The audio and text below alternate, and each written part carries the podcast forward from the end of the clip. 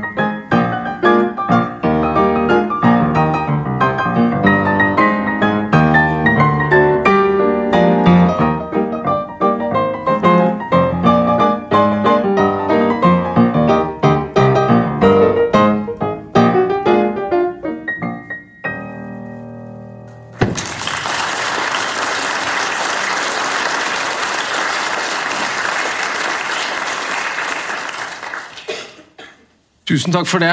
Eh, Jeg tenkte jeg kanskje skulle begynne med et lite spørsmål. Erlend, om hva var det egentlig vi hørte nå? Ja, Det er kanskje bedre å stille Morten Gunnar Larsen. Nei, altså, når det gjelder den, den komposisjonen, så har jeg jo egentlig brukt den tittelen eh, som et sånt bilde på hele denne historien, og, -hmm. og på den eh, kulturkollisjonen det var. da. Og Det sier jo også noe om den vanvittige utbredelsen som afroamerikansk eh, populærmusikk hadde. Gurkedalen er liksom et sånt eh, imaginært sted ikke sant? som de ute heita. Så det ikke? Der ingen skulle tro at noen kunne bo, og, og selv dit kom, liksom, kom denne musikken. Så, ja. Hvem var det som skrev stykket i Det var Christian Hauger, Ja, og det ble vel en uh, stor hit i mellomkrigstiden. Mm. nettopp. nettopp. Uh, nei, for det er jo en uh, partikulær tittel. Du, du, du har nettopp gitt boken som, som åpner uh, fantasien rundt det der. Eh, og når jeg eh, eh, leste boken din, eh, så gjorde jeg meg noen tanker sånn innledningsvis. for å prøve å gi et oversiktsbilde, i hvert fall mitt bilde, da, hva den dreier seg om. Og du har jo skrevet om afroamerikanske eh, musikere på norske scener i nærmest en 70-årsperiode før 1940. Eh, mange av dem er sangere, dansere, komikere og, og musikere. Eh, og først så beskriver du hvordan de kommer hit i form av innslag i varietéforestillinger, der de introduserer nye impulser og en slags fremmed musikkultur. Eh, til så etter hvert å innta rollen mer som nettopp eh, populærkulturelle stilskapere, som vi hørte et eksempel på her gjennom denne sjalsen i, Gurkedalen-sangen. Eh, og Du beskriver også ulike arenaer og ulike medieformers mottagelse og omtale av disse artistene i dette lange tidsspennet. da. Og Dessuten merker jeg jo helt åpenbart at i mye av det vi leser om de kildene som er referert i boken, så ligger det en slags ambivalent blanding. da, En fascinasjon samtidig som forakt og lovprisning og latterliggjøring. Det, er- det er mye ambivalens, samtidig som det eh, helt åpenbart til tider er ubehagelig faktisk, synes jeg, da, å lese boka og se mye av illustrasjonene også. Fordi eh, det jevnlige avspeiler alt fra hatefulle ytringer om hudfarve og rase til mer uartikulert hverdagsrasisme. Eh, og du skriver jo selv Sett under ett utgjør disse observasjonene et nær sagt komplett spekter av rasistiske forestillinger om afrikanskættede mennesker. Eh, og Det ligger jo da også under i mange av kildegjengjeldelsene som en slags form for eh, common sense, hvis man kan kalle det det, i, perioden du her beskriver. Men like fullt så syns jeg at det som er interessant, er at du aldri mister integriteten eller kreativiteten til de eh, aktørene du skildrer i boka. Av syne i denne fortellingen. Eh, og jeg synes også på mange måter at De skrives inn igjen i en ny og mer mangfoldig historie gjennom å nettopp å, å, å vises hvordan de innen disse eh, til dels vanskelige forholdene utfolder seg eh, kreativt, og, og ikke minst er med å, å, å påvirke både oppfatningen av dem og oppfatningen av hvem vi, vi, selv er. Da. Og Når du skulle begynne å skrive denne historien, her, så er det jo mye fragmenter og mindre kildetyper du har tatt tak i. For dette er jo ikke noe som har vært skrevet mye om før. Eh, kan du si litt om utfordringene med å skrive den type his historie? Ja, så Jeg hadde jo lyst til å utforske noe av denne forhistorien til jazzen i Norge, men jeg visste egentlig veldig veldig lite. og det, eh, altså Den mellomkrigstida er jo utforska og skrevet en del om eh, fra før, men eh, Jeg husker jeg satt med et A4-ark med noen ganske få notater. Mm. Som var utgangspunktet mitt og alt jeg visste. Og så har jeg gravd i ulike kilder og gradvis da liksom avdekket en historie som bare ble større og større. Mm. Og så er det ofte sånn Når du finner en kilde, så åpner det for nye ting. Og jo mer du finner, jo mer finner du på nytt. liksom. Så du blir mm. større og større. da. Det, ja. Jeg har brukt veldig mye forskjellige typer materiale. og Mye som, egentlig, som slektsforskning. altså at Jeg har jobbet med passøknader og passasjerlister og all mulig dokumentasjon av reisevirksomhet. Mm. Visumsøknader og sånt noe. Eh, og så har du selvfølgelig pressesamtalen. Ikke så mye konkrete musikkanmeldelser og sånt noe, men eh, varieté-annonser og kommentarer i pressen. Mm. Og også et ganske stort visuelt materiale, som jeg etter hvert samla inn mye selv, fordi det ikke fantes uh, mye tilgjengelig i offentlige samlinger. Mm. Ja. for det er jo gjengitt uh, særlig mange for eksempel, postkort og, og, og, den type ting som, som viser sånne snapshots av potensielle historier og ting som har vært, uten at man ser resten av konteksten rundt. og, og uh, jeg ser jo helt klart hvordan du har jobbet aktivt nettopp med å prøve å finne mest mulig kontekst på forskjellige steder. Men mange steder har du jo også gått til, til kilder fra andre land også, for å kartlegge omreisende musikere og andre. Er, er, det gjort mye på den type, den type si, historiefortelling som det her i, i ellers i Europa? Ikke mye. Det er noen få som har drevet med dokumentasjonsvirksomhet. Det er ikke mye, men jeg har jo hatt nytte av eh, f.eks. at et navn er knyttet til et artistnavn. At jeg har funnet kilder som jeg har kunnet bruke på det norske materialet. Mm. Men uh, i det store og det hele så er det jo et veldig stort og upløyd felt. da. Hvorfor? Nei, Det handler jo først og fremst om tror jeg, mangelen på altså, innspilt musikk. At det mm. er jo egentlig, altså Skrive en musikkhistorie hvor det omtrent ikke fins uh, lydkilder, mm. er jo i seg selv en litt sånn utfordrende øvelse. Mm. Uh, så kan man jo velge å bare late som det ikke har skjedd, eller så kan man prøve å finne ut mest mulig. i hvert fall. Mm. så Det har jo blitt liksom, det, som du sier, det er masse, masse små fragmenter, småting som i seg selv forteller veldig lite, men satt i et system og jobbet med over lang tid, så mm kommer det fram egentlig veldig mye spennende historie. Mm. En medietype som du har brukt mye, er også aviser, avisomtaler, anmeldelser og andre typer ting. og Elisabeth Eide, du har jo også uh, forsket på og jobbet mye med, med, aviser som historisk kilde til vårt blikk på den fremmede og den andre innenfor mye av den perioden som omtales i boka. Er det også din erfaring at dette er gode kilder til å forstå perioden, eller er det en utfordrende kilde å bruke? Nei, altså For medieforsker som meg så er det jo helt naturlig å jobbe på den måten. Og, mm. og sammen med Hege Simonsen så har vi laget en bok med heter 'Mistenkelige utlendinger minoriteter i norsk presse gjennom 100 år'. og Da begynner vi i 1902, så vi begynner ikke fullt så tidlig som deg. da. Mm. Og vi har jo bare et begrenset materiale. Men den største gruppen det er jo faktisk afroamerikanere. Og det er jo fordi vi der også tar med omtale av afroamerikanere i Chicago, i mm. USA, mm. borgerrettskampen osv. Eh, det som jeg syns er fantastisk med den boken din, det er jo at eh, du greier å eh, dokumentere kanskje to veldig sentrale ting. Det ene er jo Kanskje vil jeg tro at for mange så var det bedre å komme til Europa tross alt, enn å være i USA. At Europa var et bedre sted å være. Og det andre det er de rammene disse folkene må jobbe under. Mm. Altså at Det der er noen bestemte rammer for hvordan de kan opptre jeg får nesten lyst til å sitere Bob Dylan 'Just a Song and Dance Man'. Altså, som han sier i et intervju en gang. Altså at du, eh, du har bestemte rammer, du kan ikke gå utover det. Vi ser jo ingen av de presseoppslagene dine så, så snakker de selv og sier noe om vanskelige forhold eller om hvordan de har blitt mm. behandlet her og der. Og Det er jo funn som vi har også, at faktisk eh, de folkene det handler om, de blir omtalt. De blir snakket om, de blir ikke snakket med det gjelder journalistene. Så eh, det vi finner, altså Jeg har jo en bok som jeg kjøpte i USA i 1982, som handler om hele den historiske perioden fra den første afrikaneren satte fot på amerikansk jord. Mm.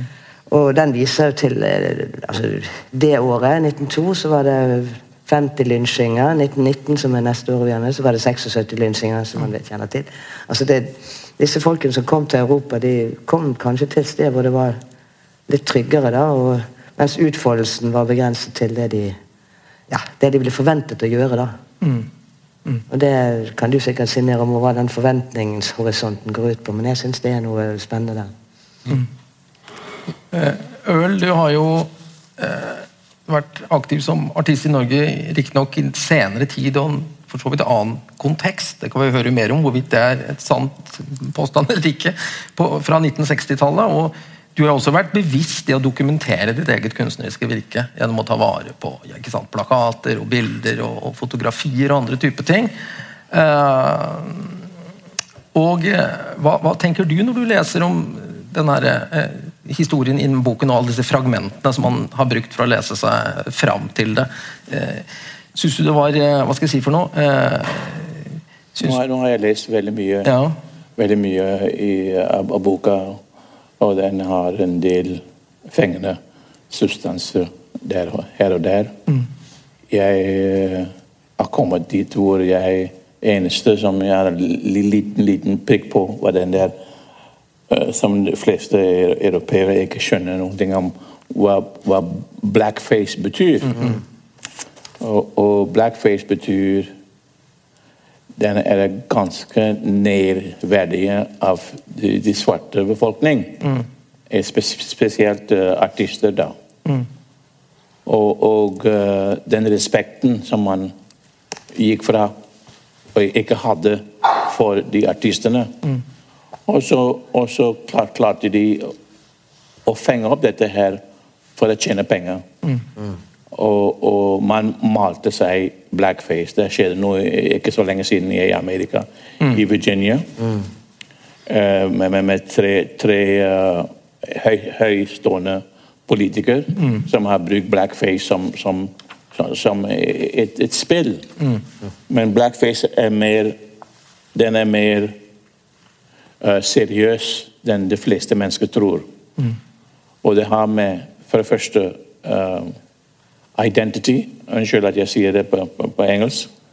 Uh, identity, uh, way of life mm. og de substansene av love. Mm. Som de fleste europeerne har ikke skjønt hva, hva, det gjelder.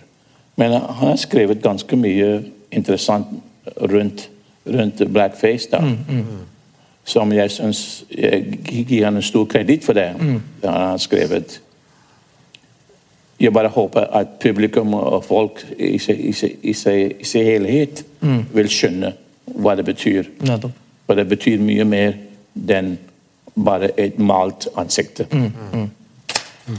Du, du, skriver jo Erlend, om eh, innledningsvis i boka om de første underholdningspionerene. og Da er du jo inne på denne minstrel-tradisjonen. Ja, minstrels. ikke sant? Som er tett knyttet opp til, til, til denne blackface. Mm. Uh, eh, tradisjonen om, om måten at da hvite artister sota fjeset sitt med svart kork. Kan, kan, kan du si litt om hva den minste tradisjonen var for noen rammene for det? Mm. innledningsvis? I dag så framstår jo dette som eh, lettere absurd, rett og slett.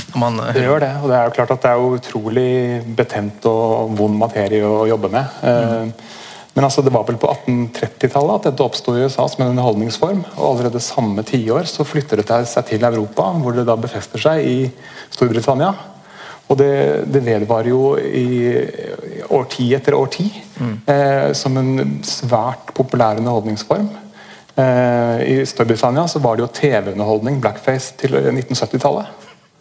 Men jeg prøver også, når jeg skriver om dette, så prøver jeg egentlig å ta utgangspunkt i førstehåndskildene jeg har funnet. da, mm. Og jobbe med de istedenfor mm. å jobbe med faglitteraturen. på en måte. Mm.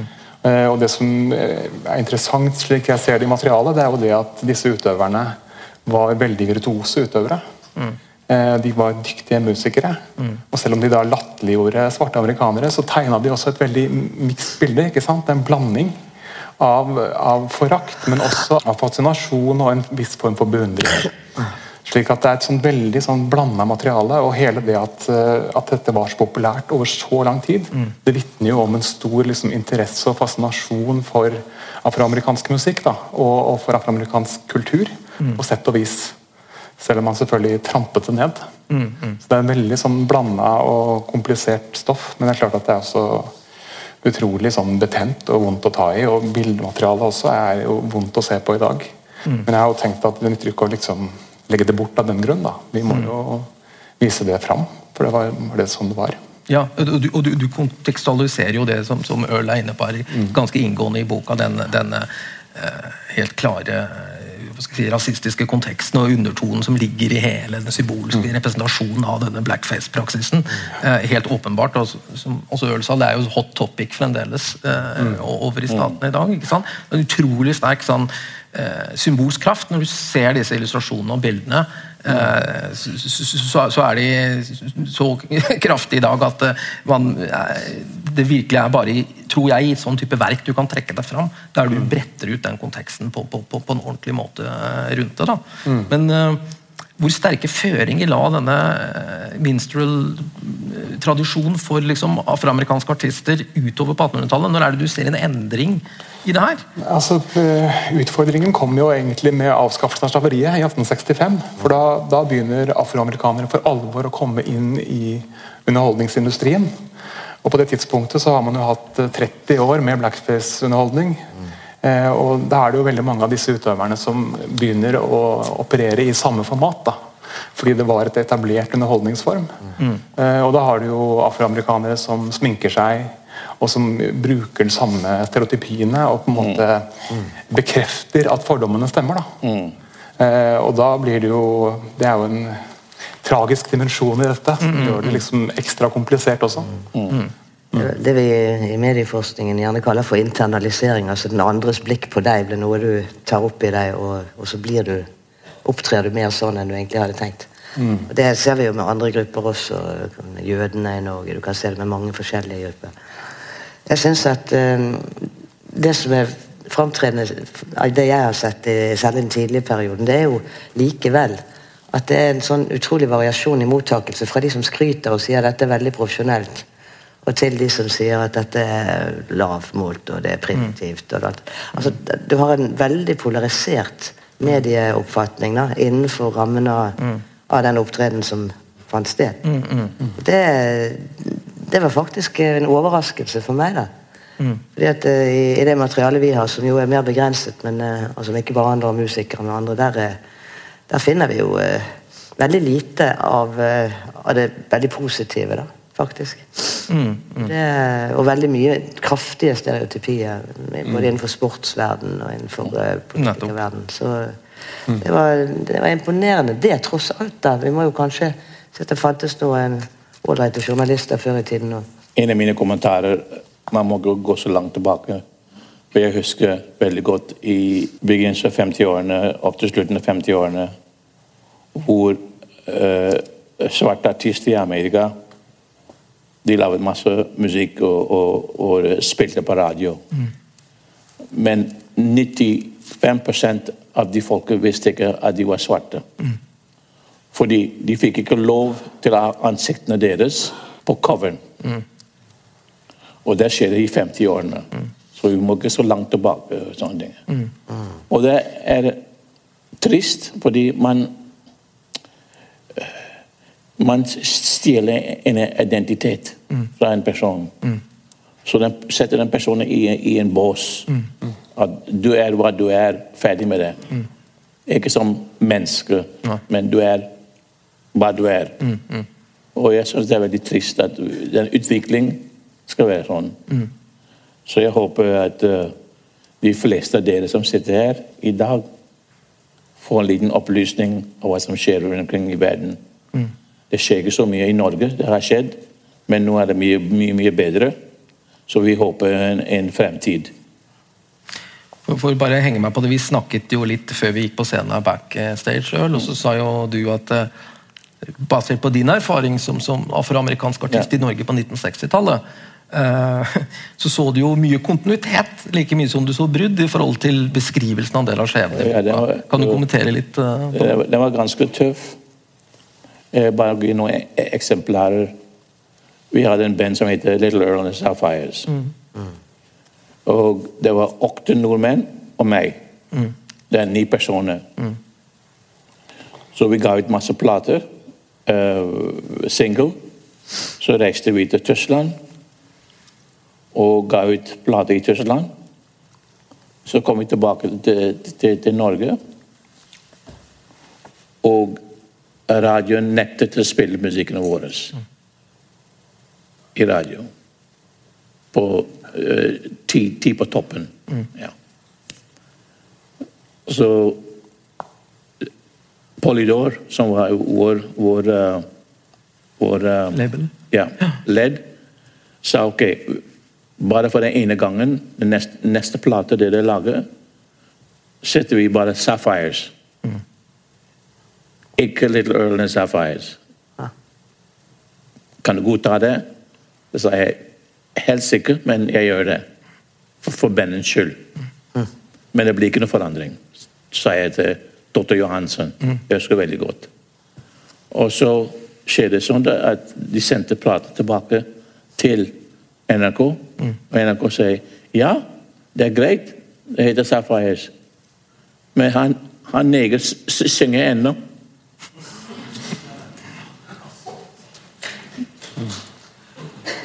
Så sa jeg ja vet, ja. Ok. Og så var det en episode hvor det var en stort uh, konkurranse på Saga kino.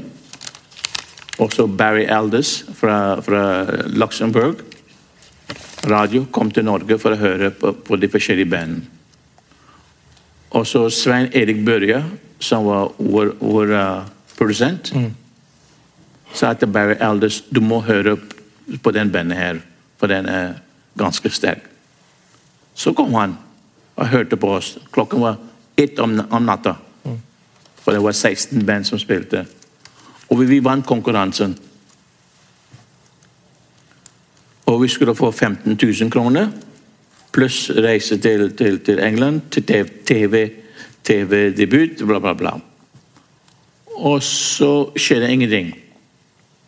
Så jeg sendte en av mine, mine, mine uh, medarbeidere i bandet til det nye, det nye hadde arrangementet. Og så sa de ja, men hvorfor har ikke vi hørt noen ting? Vi vant, vi vant uh, konkurranse. Ja, ja, ja, vi vet at dere vant konkurransen, men, men vi, vi, kan ikke ha en neger som, som representerer Norge i England. What? Ferdig med det. Så, så, så, poenget ditt er at det eh, Poenget er at det eksisterer ja. til og med opp i 60-årene. Mm. Hvordan det var så vanskelig mm. Til å være det, hvem du er. Mm. mm. Tross alt du er flink. Mm. Du er ikke akseptert pga. en hudfarge. Og fremdeles en song and dance-man. Ja. Mm. ja. Akkurat som en song and dance-man. Det, er, det er jo en du skildrer i boka, Geo Jackson, som jeg syns er en interessant uh, biografi. Uh, han uh, var jo en av de større artistene innenfor denne perioden her, og som var så populær at selveste Ivar Aasen var og hørte han fem ganger, sto det. Det bet jeg meg merke i. Det kan jeg virkelig ikke se for meg. Ja. og Morten Gunnar skulle ha en liten variant av den til oss på lager nå, tror jeg.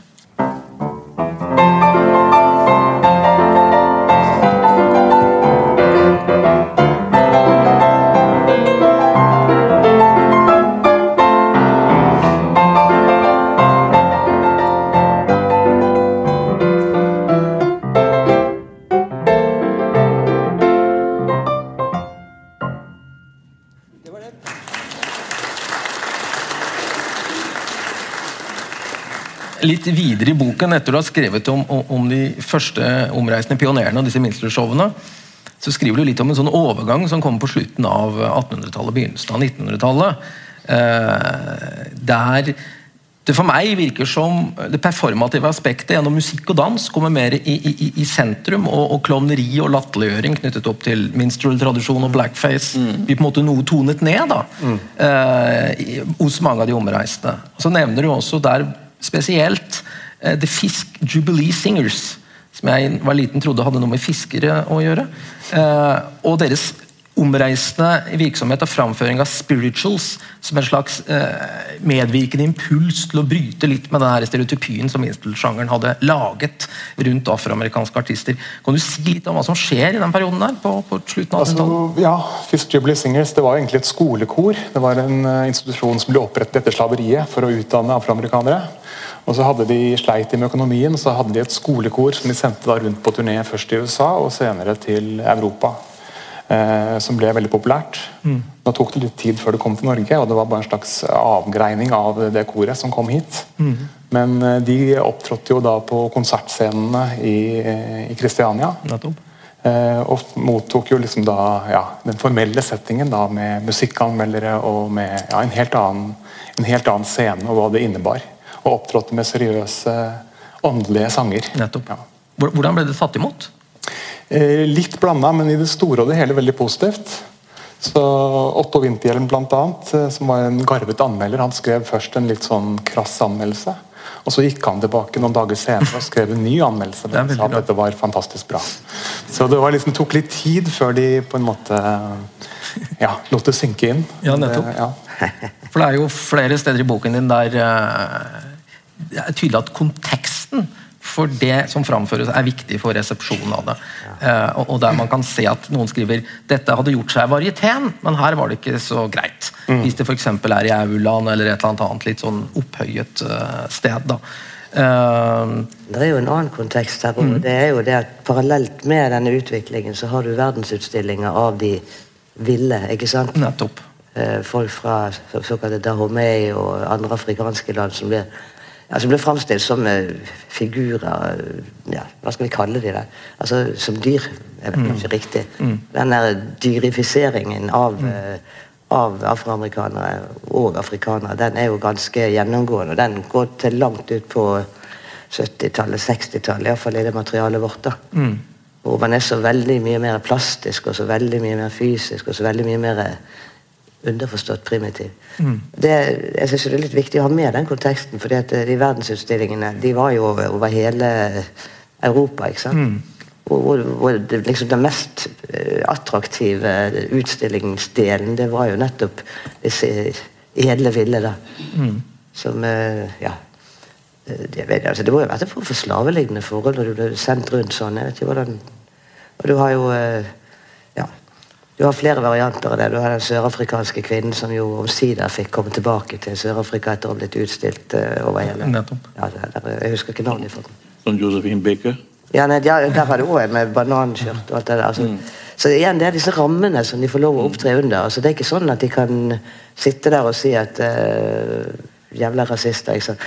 Og Det er jo et annet funn som vi har, at det er veldig lite direkte omtale. altså det blir ikke omtalt som om her er det folk som blir utsatt for rasisme. På en måte er jo det ålreit med boken din at du ikke nevner det så mye, men at det You don't uh, tell it, you show it, for å si det på journalistspråket. Det, det syns jeg er bra. På den andre siden så, så er det jo eh, betegnende for norsk presse at de i liten grad eh, ser eh, rasismen i, i, en del av de skriveriene. Altså det, mm. det er rart. Interessant ting om um, spirituals. Ja. Mm -hmm. Eh, det er mange som ikke vet hva spiritual betyr, og hva, hva det, hvor det kommer fra. Mm. Det kommer fra den afrikanske kirken mm. i USA. Man sang um, på søndager og sånne ting.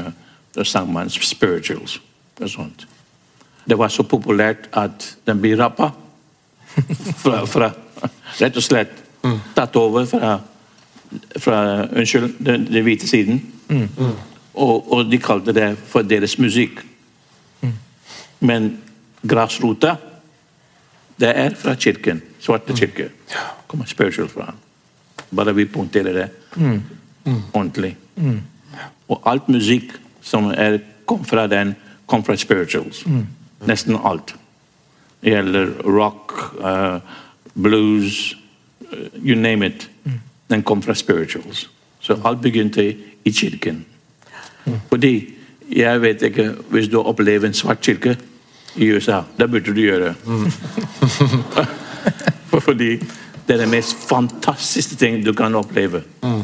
Man bare ikke synger, man danser, man har det gøy. Eh, eh, eh, og etterpå så går man ut og, og lager mat til alle sammen. Mm. Det er som stor fest hver søndag. Det er en stor fest. Mm. Og det har veldig mye å si. Morten, du, du er borti det. Ja. ja. Så vet hva jeg snakker om. Ok. det er én som vet hva du snakker om. Jeg husker at vi eh, Da jeg gikk på skolen, eh, så lærte vi jo noen av disse spirituals ja. altså, sammen. Det var jo ingen kontekst som kunne forklare det som du forklarer nå. Ja. Mm. sang Old Black Joe, og vi sang eh, flere andre. Ja. Mm. Det, var, det, var, helt kontekstløst. Så jeg rappa det sikkert riktig. apropos rapping eh, Nå snakker jeg ikke om rap, men eh, det å stjele. Så er det jo en dans som blir populær på slutten av 1800-tallet, begynnelsen av 1900-tallet. Cakewalk. Eh, The Cakewalk, ja.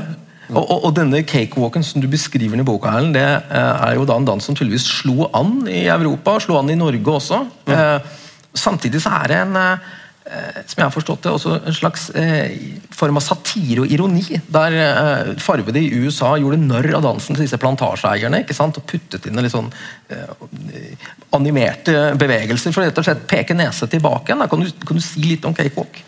Ja, det er, altså, det er, et komplisert opphav. Eh, men det virker som om det er det, det som er starten på det. At eh, svarte amerikanere gjorde narr av sine måte, eiere, eller ja. ja og, og spankulerte liksom corny bortover. Mens da hvite så dette og trodde dette bare var en, eh, en dans som de drev med, og begynte å ta det opp og gjøre det til en populær dans. Så de i praksis på en måte gjorde narr av seg selv ja. uten, å, uten, å, vite om det. Det, det, og det spredte seg til ja. Europa og ble jo en stor motedans. Ja, sånn omkring 1903. Så. Nettopp. Mm. Kanskje vi kan høre et eksempel på en cakewalk, Morten Gunnar?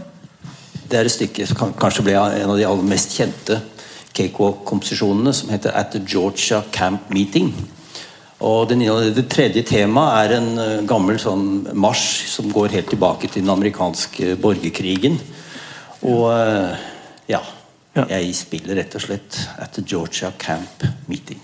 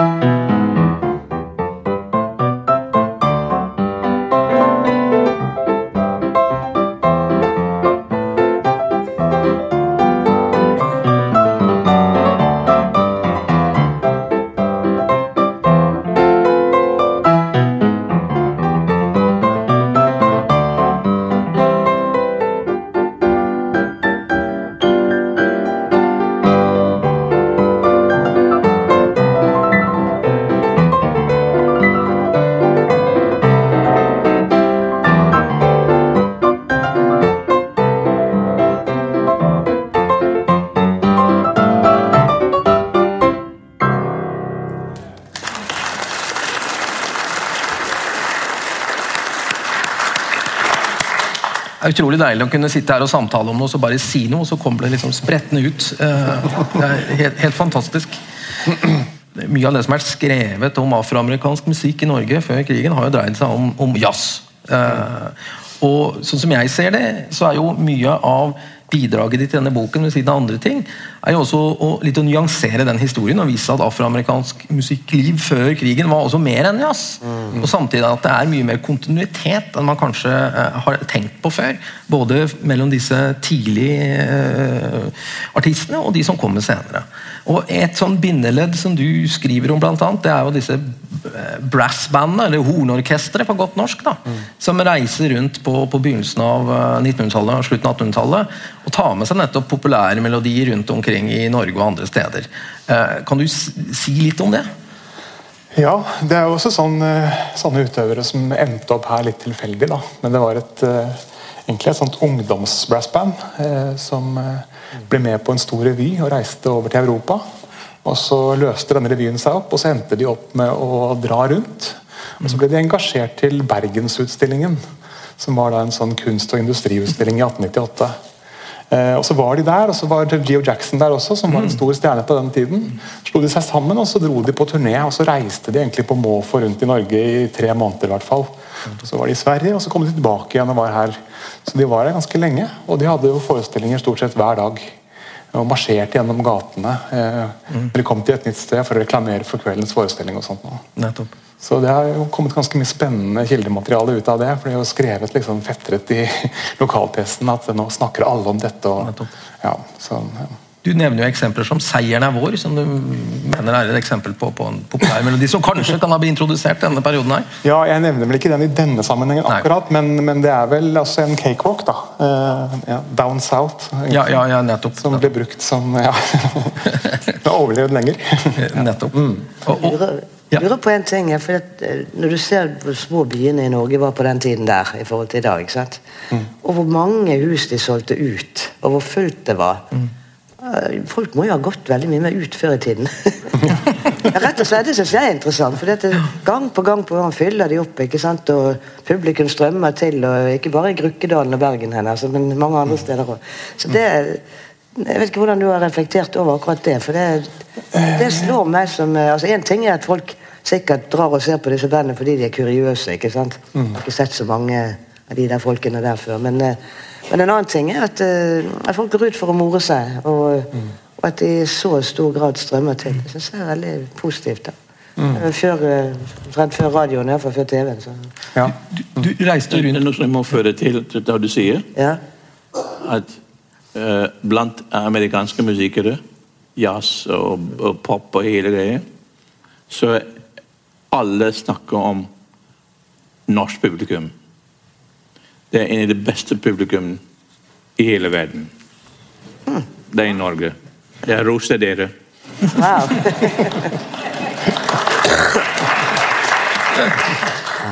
Du, du, skriver også Erlend, om disse eh, afroamerikanske revyene, eh, eller revyer der, som kunne ha afroamerikanske innslag som en del av tablåene, der disse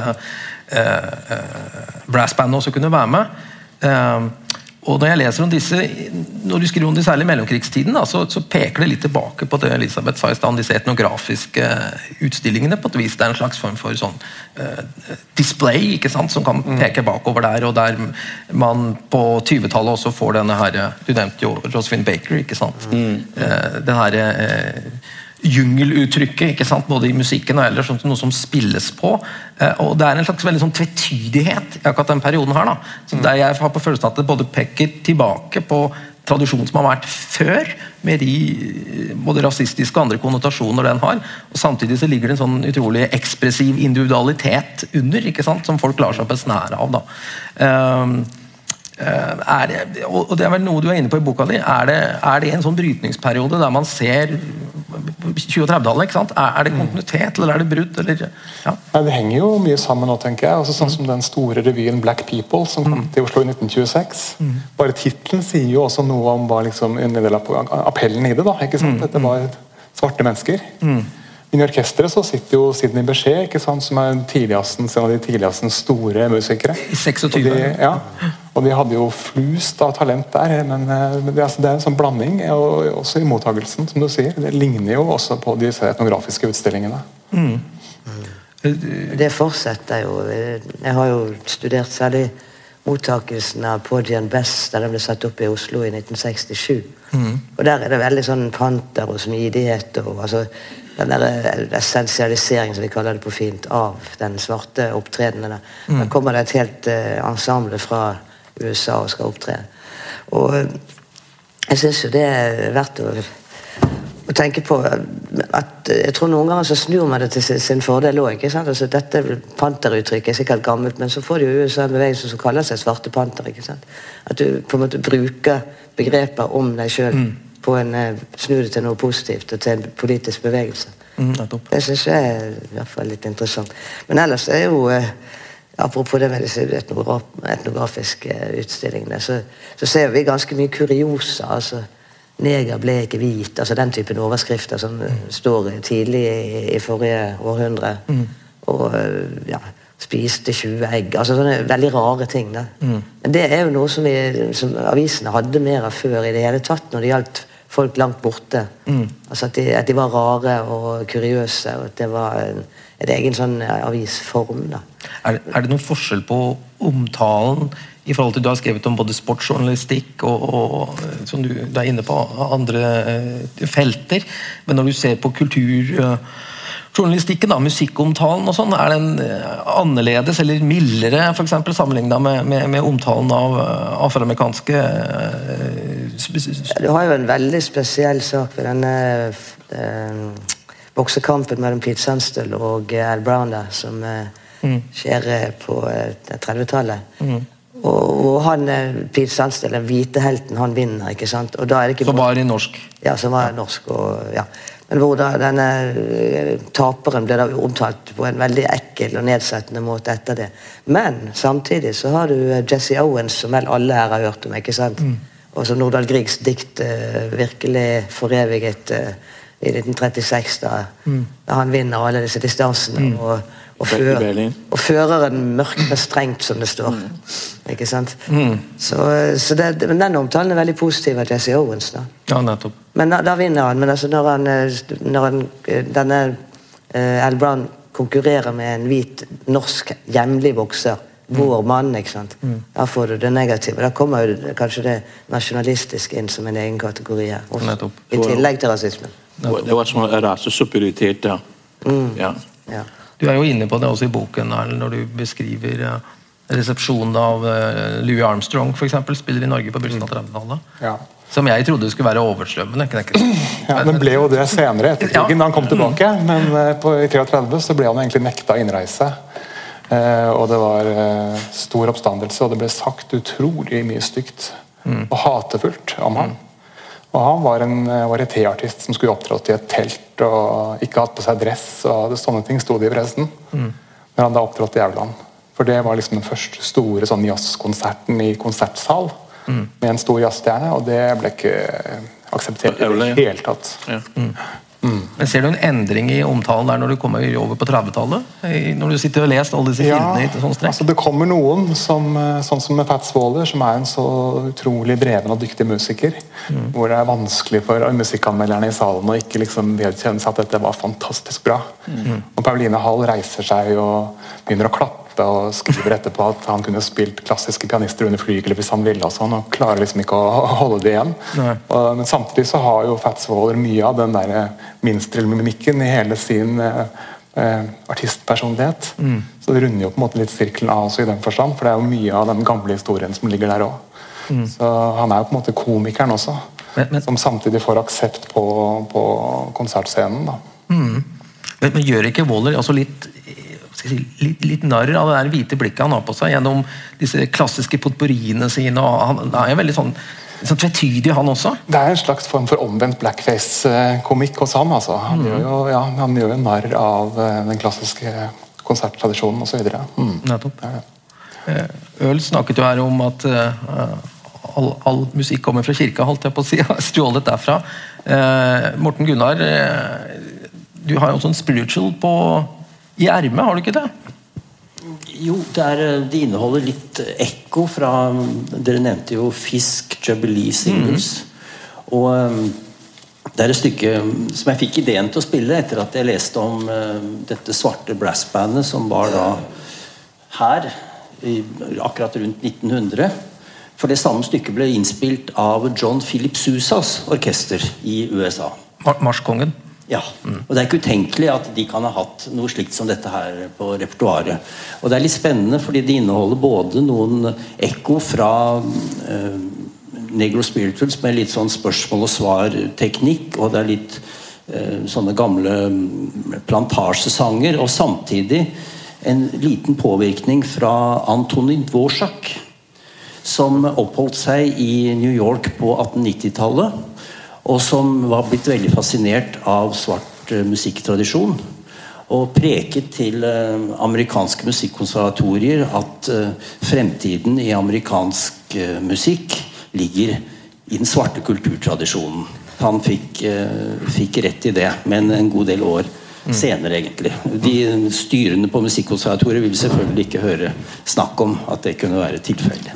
Men i hvert fall dette er et stykke som heter Levy Revels eh, feiring på elvebredden. Og noteforsiden inneholder typisk for den tiden en eh, karikatur av svarte.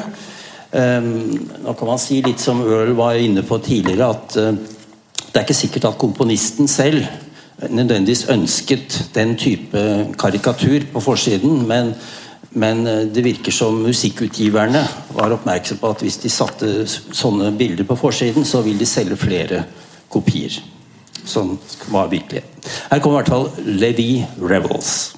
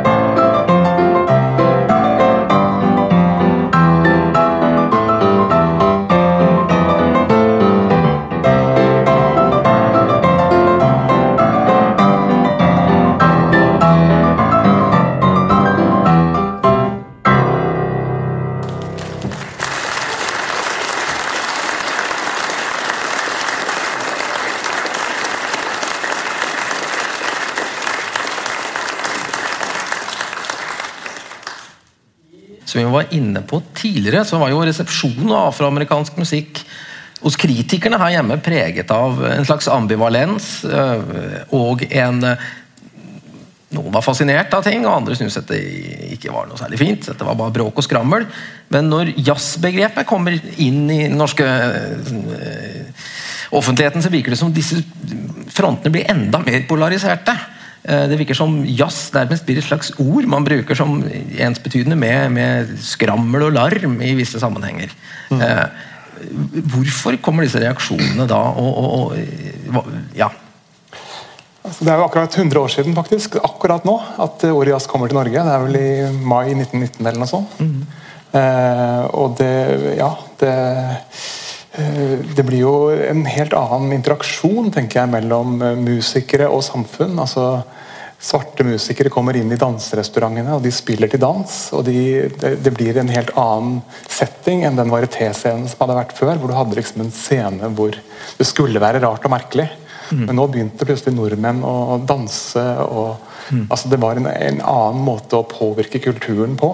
Mm. Som gjorde at det var også mer frykt inn i bildet, rett og slett. Nettopp.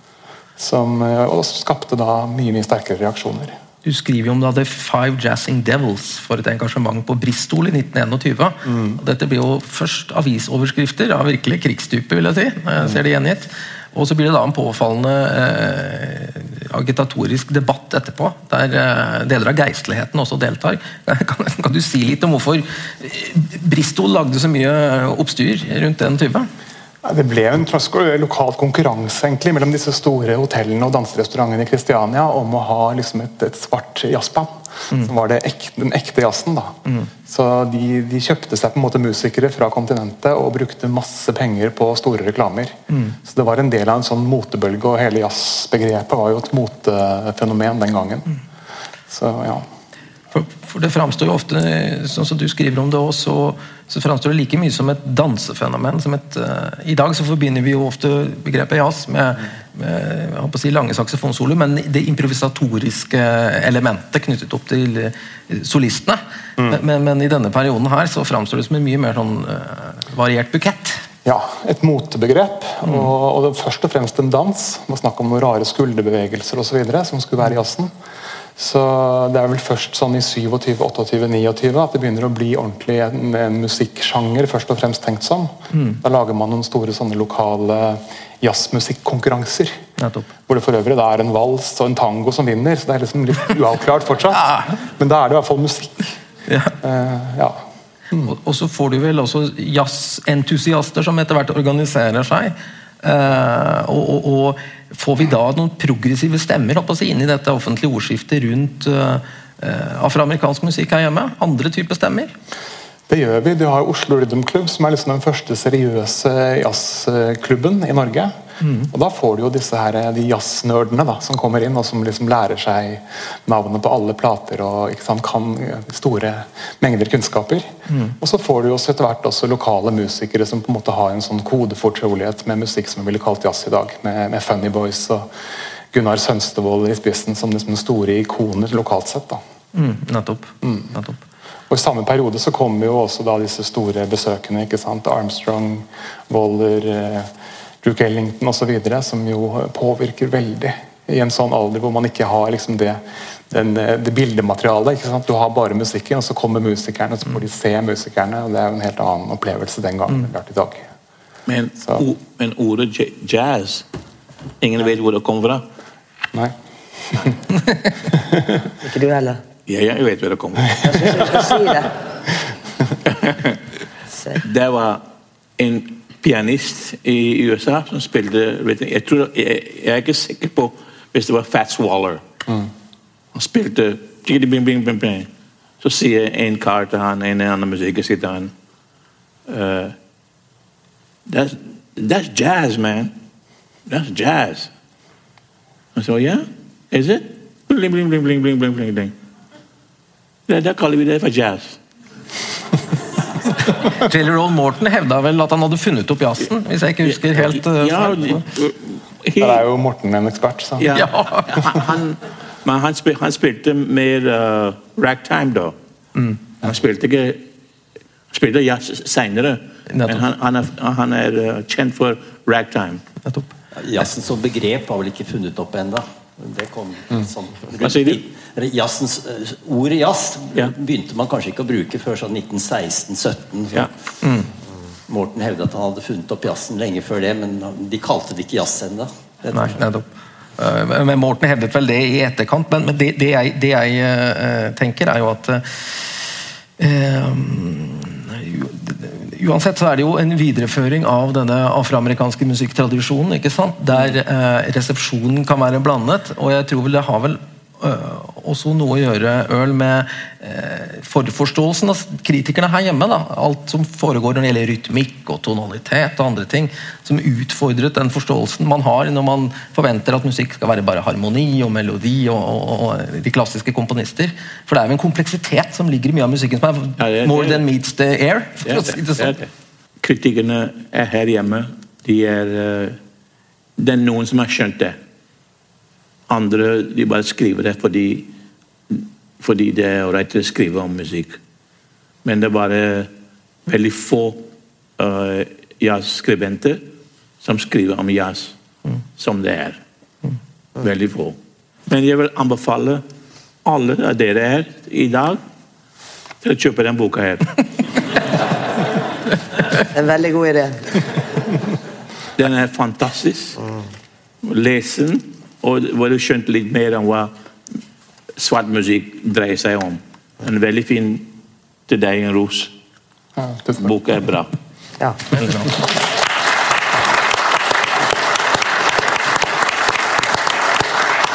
Bare stille et spørsmål til uh, disse jazzentusiastene.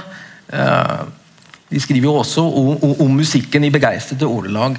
Mm. Uh, og deres forhold til, til i hvert fall sånn som det framstår i mange av kildene, da, eh, til hvorvidt musikken kan knyttes opp til hudfarge og etnisitet og alle disse andre parameterne. Er er den annerledes enn oss andre i den perioden? her? Ser du et annet syn på ting? liksom? Eller, ja. ja et mer fokus på musikken. Og, ja. Ja, og som sagt en sånn ja, drevet av en ordentlig jazzinteresse. Du får jo liksom ja, ja, jeg vil, jeg vil, si det. Mm. Når du ser dette RDK-aktige illustrasjonsfotoet av tror jeg Jimmy Lunsford eller sånn, skulle spille i Oslo på 30-tallet mm. Det er en utrolig lang vei visuelt sett derifra til disse minstrel-representasjonene tidligere. ikke sant? Det er liksom modernitet og individualitet og en helt annen form for autonomi da, som man mm. framstår med. Så, så, eh, Det er i hvert fall det som slår meg når jeg ser mye av materialet. Her har det skjedd veldig mye. Mm. Selv om du har disse Helt klart. Det er altså litt nysgjerrighetsspørsmål til deg, Erlend. Det er, du sier at Vi har jo ikke noe lydopptak fra den tiden, så det er veldig mye vi mangler. Men du viser jo et par noter. altså Hvor, mm. hvor utbredt er det at det fantes noter fra den tiden? Som jo kan kompensere for uh, lyd? Noter, men det kan jo ikke alltid kompensere. Nei, nei. ikke sant? Fordi det er jo noe med hva slags musikk man kan notere og ikke. Ah, ja. Og når du har uh, musikk som på en måte har en annen form for rytme og en annen forhold til tonehøyder og alt mulig, mm. ja forsvinner jo ut i et notemedium. Det har veldig mye med frasering å gjøre også. Ja, ikke sant? Hvordan man fraserer ting i musikk. Ja. Ved siden av eh, jazz så skriver du også i boka Erlend, eh, du skriver jo fram til 1940. Mm. Boka slutter jo der, og du beskriver jo også en del Eh, skjebner, ublide skjebner også, i møte med krigen. Eh, og i møte med, med det som, som, kommer der. Og, og eh, Samtidig som du også peker framover og, og, sier at den afroamerikanske musikkimpulsen og kulturimpulsen i Norge før krigen hadde mye å si både for jazzscenen, men også for populærmusikken etter krigen. Og Øl var jo også inne på det, hvordan det nesten er uunngåelig. Det, det, det, det, gjennomsyrer alt. Når du skrur på radioen i dag, så hører du det. liksom. Mm. Um, har du noen gang vurdert å skrive videre inn i vår tid? Ja, Det er en bok for noen andre å skrive, tror jeg. Og det er et, mhm. helt klart et, et, stort prosjekt å fortsette der.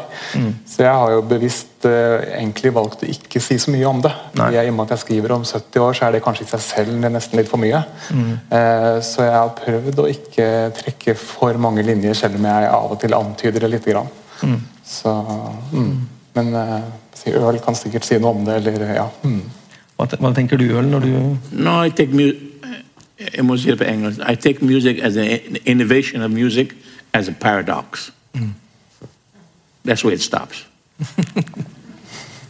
it's up to you to find out what what all what the meaning of it.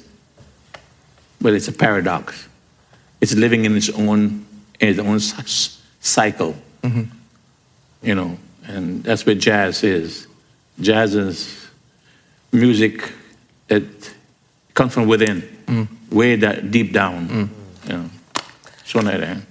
Det, det, at du har overlatt store deler av arkivet ditt til denne institusjonen, her, det burde jo borge for at noen forskere følte seg kallet til å gå inn i det materialet. Ja, kanskje det. Vi kan bare ringe, så Det er ikke sant? Kanskje det. Kanskje det. Vi lar uh, det være eh, siste ord i dag før Morten Gunnar runder av musikalsk her. Uh, vi vil uh, takke panelet en gang til. Earl Wilson. Mm.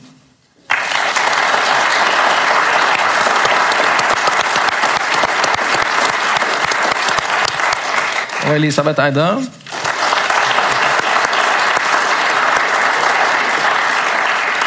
Og ikke minst Erlend Hegdal.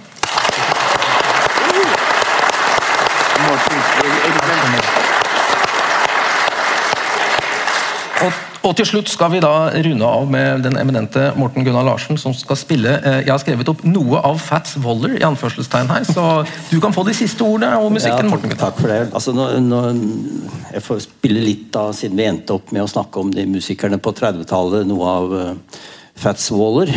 Nå er ikke jeg så omfangsrik, kanskje ikke verken fysisk eller musikal som Fats, men et par, par av hans uh, ting